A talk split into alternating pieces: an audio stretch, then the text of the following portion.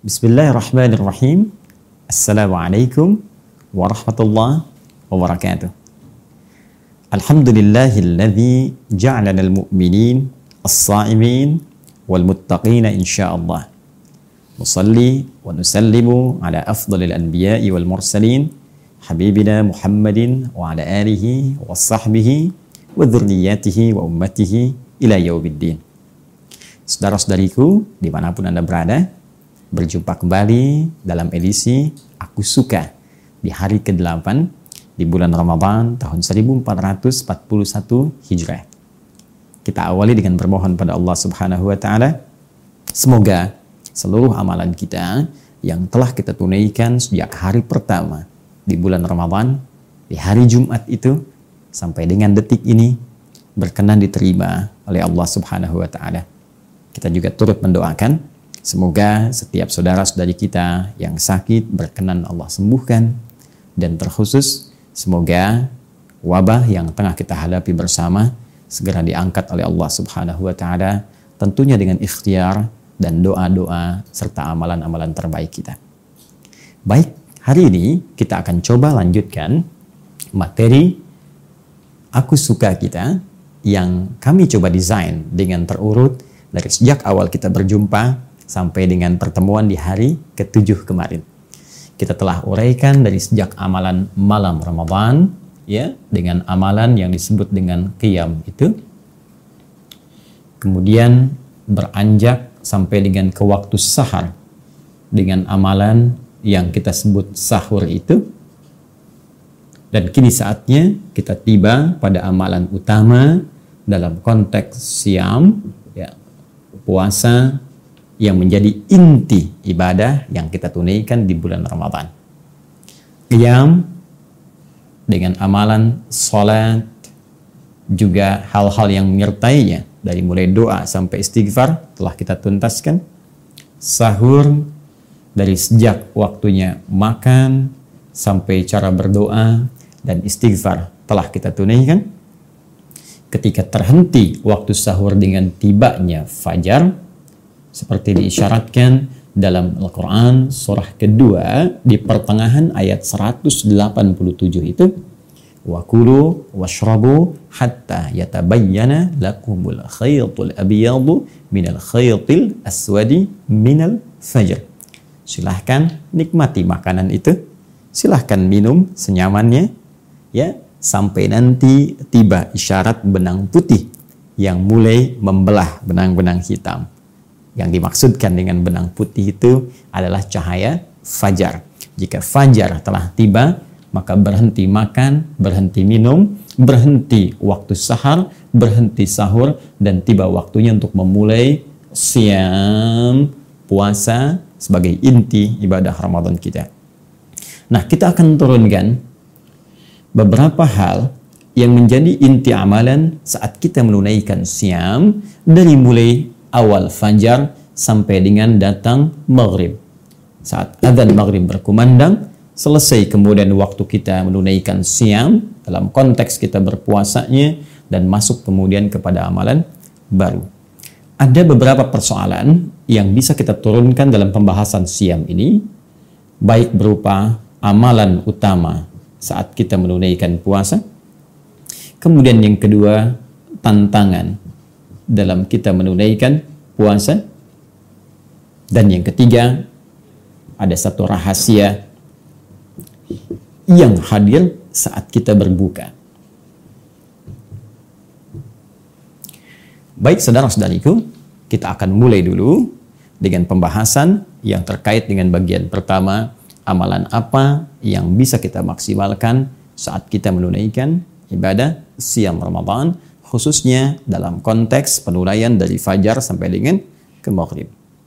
Seperti pernah saya uraikan di pertemuan sebelum kita masuk ke dalam bulan Ramadan, bahwa hal terbaik yang bisa kita lakukan dalam konteks menunaikan ibadah adalah mengikuti petunjuk Al-Quran dengan cara melihat keteladanan dari praktek ibadah Rasulullah Sallallahu Alaihi Wasallam yang ditiru kemudian oleh para sahabatnya, ditiru lagi oleh para tabi'in dan generasi-generasi setelahnya.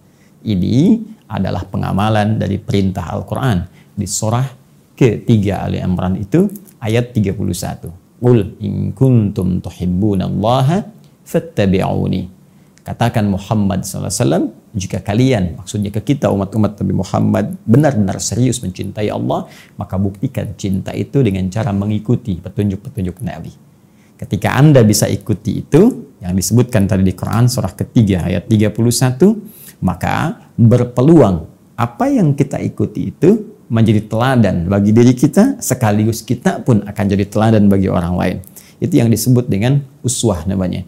Maka Allah tegaskan di Quran surah ke-33 ayat 21 dengan cara mengikuti Nabi ini ada keteladanan pada diri Rasulullah. Laqad kana lakum fi Rasulillahi uswatun hasanah.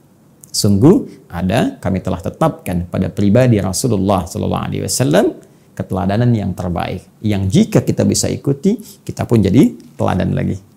Nah, di antara keteladanan yang bisa kita keluarkan dari amalan-amalan Ramadan yang dikerjakan oleh Nabi, secara umum saya ingatkan lagi terbagi kepada tiga amalan utama yang diinfokan oleh sahabat junior pada saat itu yang sering kali membersamai Nabi Shallallahu Alaihi Wasallam yaitu sahabat Ibnu Abbas ya radhiyallahu taala anhuma ya karena Rasulullah sallallahu alaihi wasallam adalah Rasulullah sallallahu alaihi wasallam ajwadan nas wa ajwadu ma yakunu fi Ramadan. Beliau sallallahu alaihi wasallam kata Ibnu Abbas radhiyallahu taala anhuma adalah pribadi yang sangat baik. Pribadi yang sangat dermawan. Orang yang senang berbagi. Jud, jud itu menandakan sifat mulia dari segi kedermawanan ya dari segi kemuliaan. Jadi selain lemah lembut, jud itu juga bisa diartikan sering berbagi dari segi materi. Ya sudah orangnya lembut, ramah, suka berbagi. Ya, jadi kita ambil satu garis materi yang disampaikan sahabat Ibnu Abbas, ya wa ajwadu ma yakunu fi Ramadan. Sedangkan saat Ramadan tiba itu tambah lagi sifat lembutnya, tambah lagi dermawannya. Maka kita bisa gambarkan di sini amalan pertama yang dicontohkan oleh Nabi Sallallahu Alaihi Wasallam yaitu menampilkan sifat jud al-jud ya bisa kita artikan ramah dari segi perilaku lembut dan spesifik dari segi materi dengan sifat dermawan gemar berbagi ya berbagi nah. jadi Nabi ingin contohkan begini puasa itu seharusnya melatih kita menjadi pribadi yang lebih baik. Ya, karena itu orang-orang kalau sudah tiba puasa itu bisa dilihat siklus kriminalitas itu menurun. Ya. Bahkan bisa dipastikan di negara-negara muslim yang banyak orang Islamnya atau bahkan negara Islam itu sejak dulu. Ya, dari sejak Nabi SAW, sepeninggalnya dan seterusnya. Tiba Ramadan sudah semua meningkatkan ketaatan kepada Allah Subhanahu wa taala. Ya, pencurian sangat minim, ya, dusta, apalagi kalau ada konteks korupsi lebih besar lagi, lebih dahsyat lagi itu hilang. Hilang, hilang dan hilang. Maka amalan yang bisa kita kerjakan dilatih. Yuk kita mulai latih. Mohon maaf, jadi anak, jadi anak yang lembut. Jadi istri, istri yang lembut. Suami, suami yang lembut. Ayah, ayah yang lembut. Kawan, kawan yang lembut. Ya, dalam pengertian sesuai dengan konteksnya masing-masing. Ya, karena kelembutan itu tentu ditempatkan di tempat yang baik Ya, jadi kalau lawannya tegas, nanti ketegasan ditempatkan pada tempatnya. Nggak bisa semua praktek lembut pada setiap tempat, bukan begitu juga. Ya, lembut pada pencuri, ya tidak ya. Pada sisi waktu ketegasan mesti muncul. Tapi yang dimaksudkan, jud di sini lebih menunjuk kepada perilaku yang lebih baik. Jadi puasa itu membuat diri kita lebih baik. Nah, bagaimana menjadikan pribadi baik ini? Nanti dirinci lagi. Nah, sekarang langsung Nabi kasih contoh. Dari akar kata ini ya, menunjuk pada sifat kebaikan dalam berbagi jika punya materi.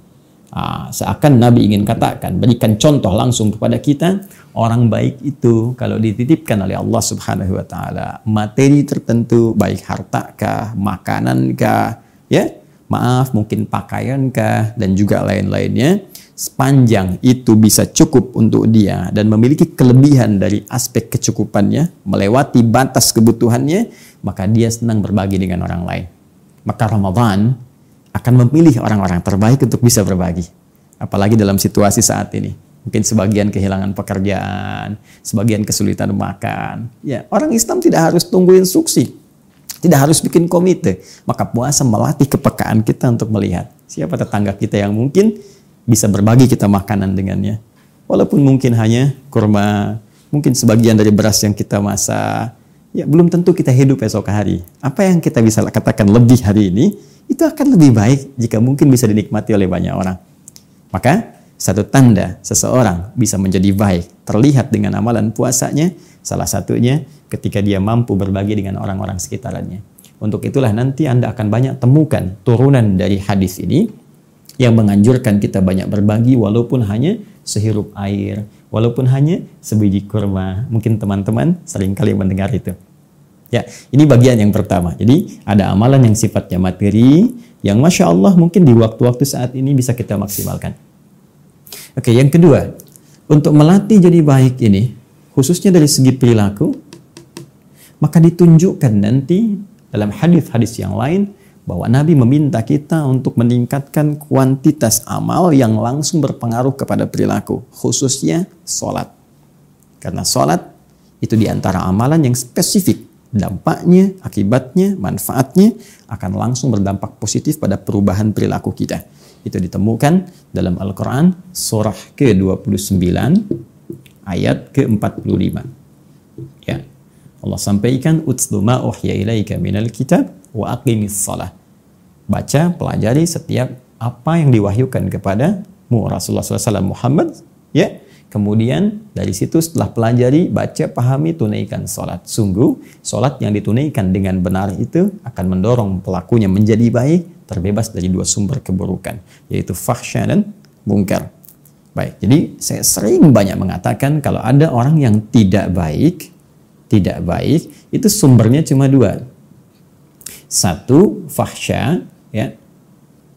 Yang kedua adalah mungkar fahsya, keburukan yang bersumber dari syahwat, pornografi, porno aksi, LGBT, zina dan seterusnya. Mungkar, keburukan yang bersumber dari nafsu perut dan akal yang ditolak oleh hati kita. Baik bohong itu mungkar, senang berselisih itu mungkar, korupsi itu mungkar, ya dan seterusnya. Jadi sebetulnya semua tindakan keburukan itu cuma dua. Kalau bukan fahsya, itu mungkar. Dan puasa mencoba mengarahkan kita untuk meningkat menghanguskan satu amalan yang sinyal-sinyal amalan itu cahayanya bisa menghanguskan peluang-peluang fahsya dan mungkar. Ini bisa dihanguskan. Hilang, hilang, hilang, hilang, hilang, hilang, hilang. Apa amalannya? Salat. Latih dengan salat. Sehingga terhubung diri kita dengan Allah Subhanahu wa taala. Ya, cara terbaiknya pernah saya sampaikan, keluarkan semua jenis salat yang mungkin kita bisa lakukan sesuai dengan petunjuk Nabi sebagai tambahan dari salat-salat fardu yang diwajibkan kepada kita oleh Allah Subhanahu wa taala. Ya, dalam setiap siang ini ada salat apa saja? Syuruk ya di awal. Kalau tak mampu dikerjakan karena kita nggak ke masjid, ada duha nanti yang pertengahannya. Ya, syuruk kan awal duha, baik ya, dengan syarat tertentu. Nanti ada duha. Ya, ada empat rakaat sebelum zuhur ini tidak mengikat kita dengan masjid. Artinya sekalipun dalam kondisi saat ini, ya sebagian dari kita tidak bisa ke masjid misalnya, maka sholat sunnah tetap bisa dilakukan. Yang sifatnya tidak melekat dengan sifat masjid. Seperti rawatib misalnya. Ya, empat rakaat sebelum zuhur. Syaratnya bukan harus di masjid. Sepanjang kita mau tunaikan setelah adzan sebelum sholat fardunya, boleh silahkan tunaikan. Sekalipun sholat sendirian, bisa sudah dikerjakan. Ya, ba'diyah pasca zuhur Kemudian sebelum sholat asar ada sholat empat rakaat sholat mutlak gitu. Ya, maksimalkan itu. Ketika benar pendekatan kita menunaikan sholat dan terhubung kita dengan Allah Subhanahu wa taala, maka keadaan terhubung dengan Allah itu itu yang menjadikan kita bisa mendapatkan perisai dari perbuatan maksiat dan pengingat yang mencegah kita untuk berbuat hal yang tidak diinginkan oleh Allah Subhanahu wa taala. Karena itu Al-Quran memberikan statement orang-orang yang menunaikan sholatnya baik, maka dia akan punya hubungan kuat online dengan Allah itu sehingga mampu mengingat Allah dalam keadaan yang tak terbatas. Itu ada isyaratnya di Quran surah keempat ayat 103. Ya, qadaytumus salata fadhkurullaha qiyaman wa qu'udan wa ala junubikum. Jika Anda selesai menunaikan salat itu, maka segeralah ingat kepada Allah. Baik dalam keadaan berdiri, jalan, duduk, ya kan? Walaupun berbaring. Zikir, zikir itu ingat. Jadi kalau orang sedang berjalan ingat Allah, mustahil berbuat maksiat karena saat akan berbuat maksiat itu dia ingat Rabbnya. Bagaimana kalau diwafatkan saat saya berbuat maksiat? Ya, maaf di jalan menemukan sesuatu sekedar untuk ngambil untuk pribadi saja dia takut kalau Allah tahu apalagi mengambil hak orang lain ya kalau begal saat mau begal ingat Allah mustahil akan dia kerjakan apalagi saat ada orang ingin berbuat maksiat dalam duduknya di kantor menggandakan sesuatu ingin manipulasi dia ingat bagaimana kalau saya diwafatkan oleh Allah. Allah melihat saya sekarang. Dalam berbaringnya mau maksiat dia ingat bagaimana kalau seketika saya wafat. Makanya ulama sering mengatakan begini, jika Anda terfikir berbuat maksiat dan ingin terjaga selalu dalam keadaan yang baik, maka segera ingat kematian. Ketika terfikir berbuat maksiat, bayangkan seketika diwafatkan oleh Allah Subhanahu wa taala dan wafat dalam keadaan menjadi seorang pendosa. Anda bayangkan. Ya, karena itu ini gambarannya. Jadi latih diri kita, latih, latih, latih. Jadi Eh, dalam hadis lain Nabi mengatakan riwayat sahabat Abu Hurairah radhiyallahu taala anhu dalam kitab Siam di Al Imam Al Bukhari dalam kitab Sahihnya nomor hadis yang pertamanya beliau katakan asyamu junnatun ya puasa yang benar itu alif lamnya kita terjemahkan puasa yang benar itu junnatun bisa menghasilkan perisai ya perisai yang tak nampak jadi kalau ada e, dalam bahasa Arab huruf dimulai dengan jim dan nun Ya, jim dengan nun biasanya kalimat yang mengandung arti sesuatu yang tak nampak, tersembunyi. Ya, jin disebut dengan jin karena tak nampak dalam pandangan kita. Jannah, ya, jannah tuh, jannah, surga disebut dengan jannah karena belum tampak dalam pandangan kita sekarang. Ya kan? Jinnah, ya, ada jannah, ada jinnah, ada junnah. Beda tuh, ya. Ada jin, ada jun, beda. Jin dan jun, lain kan? nah, ada jannah, ada jinnah. Jinnah jamak dari kata jin. Minal jinnati wan nas. Tak terlihat juga. Baik, junnah di sini puasa menghasilkan junnah. Jannah, jinnah, junnah. Junnah itu perisai. Ya, yang tak nampak dalam pandangan kita. Jadi perisai ini kan fungsinya mencegah sesuatu yang membahayakan. Orang di medan perang punya perisai, ada baju zirah, ada tamengnya, ya. Ini perisai. Ya, jadi begitu musuh misalnya akan melakukan sesuatu ya yang membahayakan diri kita, perisai ini menghalangi kita. Nah, perisai yang membentengi kita dari perbuatan fahsya dan mungkar, yang mencegah setan ya bisa menembus relung hati kita yang paling dalam untuk mempengaruhi berbuat maksiat itu namanya junnah. Di puasa itu melatih kedekatan kita dengan Allah sehingga Allah memberikan perisai pada diri kita. Orang yang punya perisai ini disebut dengan junnah tadi karena rajin menunaikan ibadah dalam puasanya, maka perisai itu yang akan menghambat perbuatan maksiat masuk menembus dirinya. Begitu ada bisikan misalnya, ambil sendal orang ini nih. Mumpung gak ada orang ke masjid, ambil kotak infaknya. Misal, masuk, tek, tek, tek, tek. Itu kalau orang ada perisainya langsung mental kalimat itu. Tek, pergi. Tidak. Saya masih ingin bertakwa. Tidak Bagaimana kalau saya diwafatkan dalam keadaan berbuat maksiat? Hei, ini musim bantuan-bantuan. Ayo ambil keuntungan dari bantuan itu. Kalau bisa ambil tarif dari situ. Kalau bisa kasih yang ini sedikit, yang lain banyak. Hei, hati-hati. Kalau perisai yang masih ada, bagaimana ketika saya mengambil keuntungan dari situ saya diwafatkan oleh Allah? Nah, ini junnah namanya. Karena itu, orang-orang yang rajin ibadah, khususnya rajin menunaikan sholat, itu akan kuat junnah dalam dirinya. Akan kuat perisai pada dirinya. Karena itu, kemungkinan besar orang ini akan selalu berperilaku baik dalam kehidupannya karena semua bisikan-bisikan fahsya dan mungkar tidak akan tembus pada dirinya dihambat oleh perisai yang ia bisa dapatkan dalam konteks menunaikan ibadah saat ia puasa itu. Dua. Dan yang ketiga, ya Ibnu Abbas radhiyallahu taala anhu mengatakan hina yalqahu Jibril alaihi salam fi kulli lailatin min Ramadan. Memang ini spesifik nanti di malam harinya tapi juga ibadahnya bisa bersifat umum mencakup di siang harinya. Apa itu? Ya, yudari suhul Quran, tadarus Al-Quran, belajar Al-Quran, interaksi dengan Al-Quran. Di bagian ketiga, Al-Quran. Ya, Anda bisa petakan nanti untuk mempelajari Al-Quran ini dengan tiga peta utama. Ya, ada yang disebut dengan kiroah, ada yang disebut dengan tilawah, ya, ada yang disebut dengan terakhir tahfil.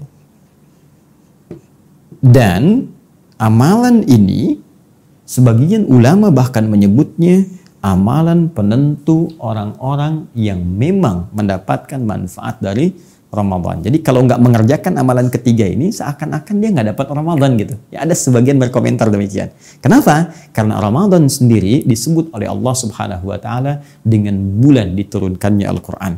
Sehingga sebagian ulama mempopulerkan dengan bulan Al-Quran. Bulan Al-Quran. Itu statementnya ada dalam pernyataan di firman Allah, Quran surah kedua Al-Baqarah ayat 185 syahrul Ramadan alladzi unzila fihi al-Quran. Di bulan Ramadan itulah kemudian diturunkannya Al-Quran. Ramadan bulan Al-Quran. Saking pentingnya Al-Quran, Nabi Shallallahu Alaihi Wasallam tidak pernah kehilangan satu harinya kecuali beliau berinteraksi dengan Al-Quran. 30 harinya, satu bulannya, selesai 30 juznya.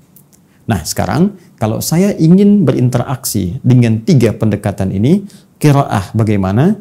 tilawah seperti apa, tahfidz bagaimana, seperti apa kita bisa mengerjakan ini, apa keistimewaan-keistimewaannya, apakah setiap saya kiraah ada keistimewaan khusus kalau dikerjakan di Ramadan, demikian juga dengan tilawah, apatah kemudian dengan tahfidz, itu nanti yang akan kita coba bahas dalam edisi Aku Suka yang ke-9. Ya, karena itu pastikan dulu ini sudah hari ke-8. Yo, amalan pertama nih, sudah baik belum? Ada perubahan nggak sampai hari ke-8 nih pada kepribadian kita? Jangan-jangan masih belum berpengaruh, masih belum ada rasa. Karena pasti terasa perubahan pada diri itu. Nah, kalau belum terasa ada perubahan, berarti belum sukses Ramadannya. Di hari ke-8 ini, kita buktikan. Esok kalau masih hidup, buktikan. Sudah 8 hari nggak ada perubahan, Allah kasih yang ke-9. Ada perubahan nggak? 9 hari, mungkin Allah kasih yang ke-10. Tapi kalau sudah berhari-hari diberikan, belum mau berubah juga, Anda butuh berapa hari lagi? Dan belum tentu kita hidup esok hari. Karena itu setiap diberikan peluang, ayo maksimalkan. Ya, ini pribadi yang bisa berbagi. Sehingga saat dihisab beringan di hadapan Allah subhanahu wa ta'ala. Jika memang dengan itu Allah berikan kelebihan pada kita. Minimal berbagi dengan keluarga kita dulu, dekat ataupun jauh. Ada kelebihan lagi dengan tetangga kita, yang terdekat lebih lagi bisa dengan yang paling jauh. Dan lebih daripada itu, jaga sholat kita. Karena ini akan menentukan semua amalan kita dan menjadi amalan yang pertama kali dihisab di hadapan Allah Subhanahu wa taala. Demikian untuk Al-Qur'an. Kita akan bahas dalam pertemuan Aku Suka edisi yang ke-9 dan kita akan pelajari bagaimana tantangan-tantangan dalam menjalankan semua amalan-amalan yang dimaksudkan. Demikian yang bisa kita bahas. Semoga Allah meridhai kita semua. Subhanakallahumma wa bihamdika asyhadu an la ilaha illa anta أستغفرك ونتوب إليك وآخر دعوانا أن الحمد لله رب العالمين السلام عليكم ورحمة الله وبركاته